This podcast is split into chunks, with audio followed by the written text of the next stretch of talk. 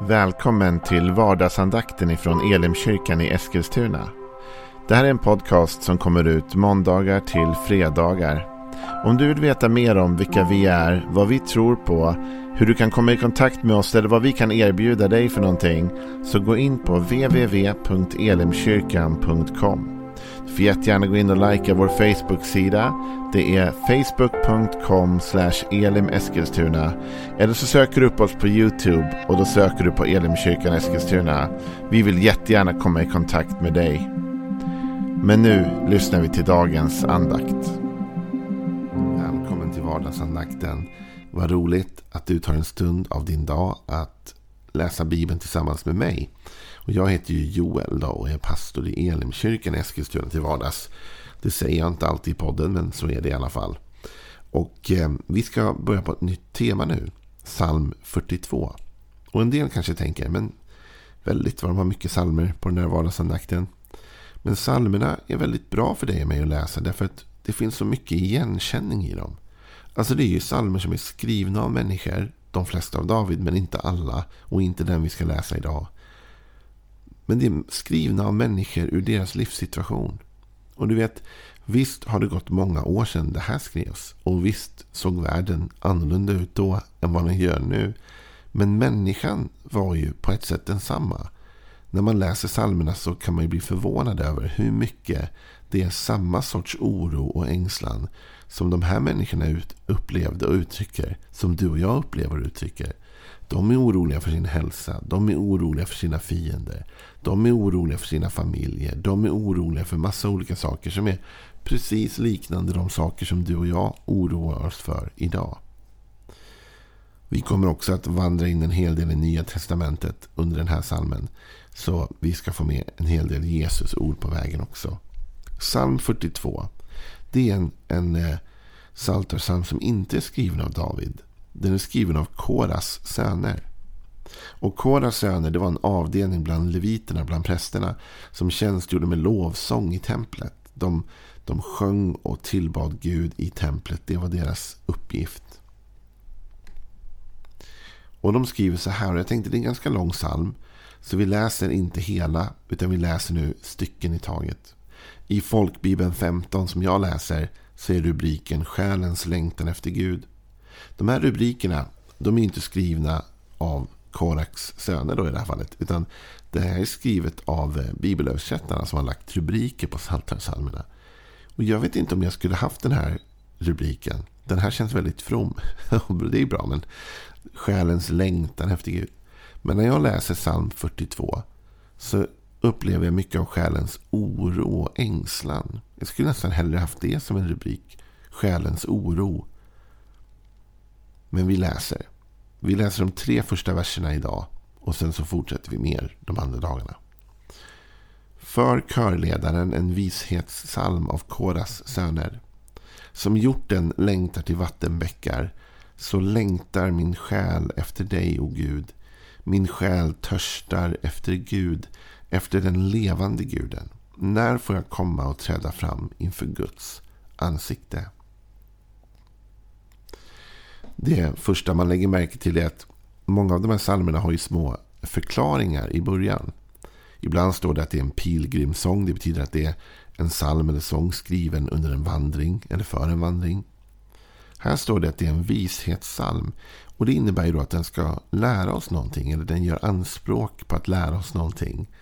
Om livet. Om, om en vishet, en kunskap som den vill förmedla. Och den börjar med att som hjorten längtar då till vattenbäckar så längtar vår själ eller vår inre människa efter Gud. Och hjorten, det är väldigt poetiskt och vackert skrivet såklart. Men det beskriver också en hjort som är ute på, på en livsvandring kan man säga, eller hur? Ute och, och rör sig i det fria, i det vilda. Och som då och då kommer in kanske på, på passager där det är ont om vatten. Du ska ju tänka på att de här texterna är skrivna nere i Mellanöstern.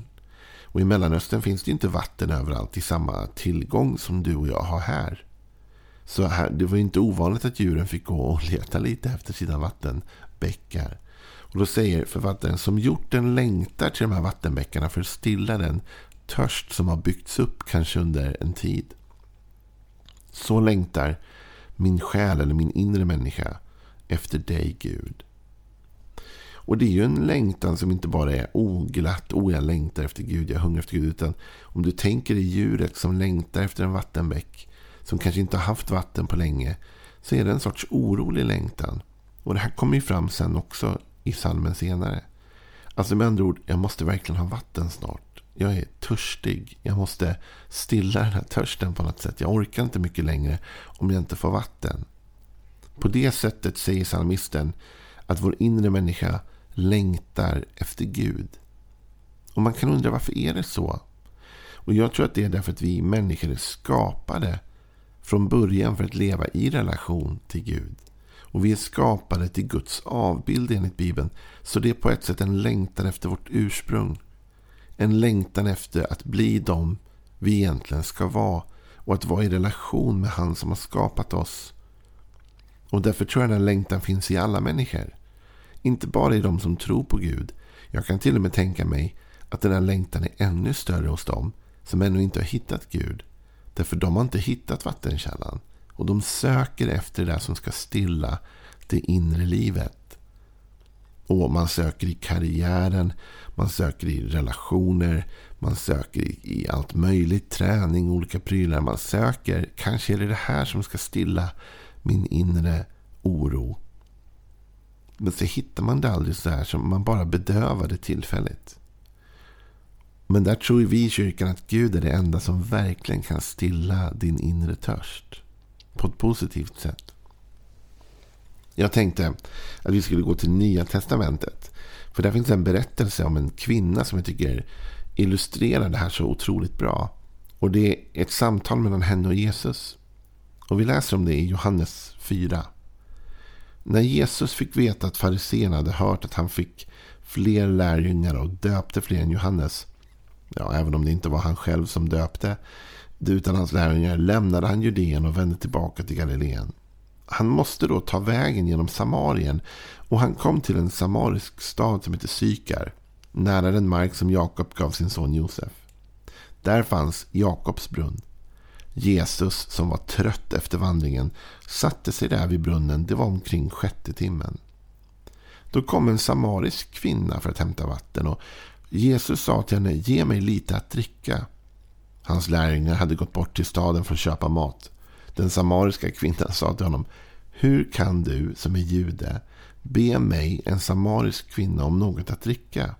Judarna umgås nämligen inte med samarierna. Jesus svarade henne, om du kände till Guds gåva och vem det är som ber dig, ge mig lite att dricka, då skulle du ha bett honom och han hade gett dig levande vatten. Hon sa, Herre, du har ingen kruka och brunnen är djup, så varifrån får du det levande vattnet? Är du större än vår far Jakob? Han gav oss brunnen och drack ur den själv, likaså hans söner och hans boskap. Men Jesus svarade henne, den som dricker av det här vattnet blir törstig igen. Men den som dricker av det vatten jag ger honom ska aldrig någonsin törsta. Det vatten jag ger blir en källa i honom med vatten som flödar fram till evigt liv. Kvinnan sa till honom Herre, ge mig det vattnet så att jag slipper bli törstig och gå hit och hämta vatten. Han sa Gå och hämta din man och kom hit. Kvinnan svarade, jag har ingen man. Och Jesus sa, det stämmer som du säger att du inte har någon man. Fem män har du haft och den du nu har är inte din man. Det du säger är sant. Kvinnan sa, Herre jag förstår att du är en profet. Våra fäder har tillbett på det här berget men ni säger att platsen där man ska tillbe finns i Jerusalem. Jesus svarade, tro mig kvinna, det kommer en tid när det varken är på det här berget eller i Jerusalem som ni ska tillbe. Ni tillber vad ni inte känner. Vi tillber vad vi känner eftersom frälsningen kommer från judarna. Men det kommer en tid och den är redan här när sanna tillbedjare ska tillbe Fadern i ande och sanning. Sådana tillbedjare vill Fadern ha. Gud är ande och de som tillber honom måste tillbe ande i sanning. Kvinnan som sa till, honom, sa till honom, jag vet att Messias ska komma, han som kallas Kristus. När han kommer ska han berätta allt för oss. Jesus sa till henne, det är jag, den som talar med dig. Det här var en ganska lång text. Men jag ville läsa den för den är så förklarande. Jesus inleder ett samtal med henne och ber om lite vatten. Och snart så för samtalet in på något helt annat egentligen. Där Jesus börjar tala om, om det vatten han har att ge som stillar den inre törsten. Och i det så säger Jesus gå och hämta din man och så byggs det här samtalet ut. Men ser du den här kvinnan? Hon är snabb på att vilja veta saker. Det är uppenbart att hon bär på någon typ av otillfredsställd längtan. Hon har uppenbarligen inte fått relationer att fungera. Jesus säger fem män har du haft och den du har nu är inte din egen. Hon lever alltså i någon sorts otrohetsrelation eller något annat med någon då. Någon man som inte är hennes. Och hon har haft fem män tidigare. Troligtvis har hon sökt efter att stilla någonting på insidan som inte har kunnat stillas. Och sen är det intressant att den här kvinnan då som, som har den typen av längtan att på något sätt bli hel inombords. Så fort Jesus visar henne att han har med Gud att göra genom att han uppenbarar för henne ju hennes liv. Och hon säger ja, du måste ju vara en profet. Då kommer hon direkt med djupa teologiska frågor. Alltså bakom alla de här männen och alla de här lösa relationerna och allt detta rör, röriga i hennes liv får man ändå säga.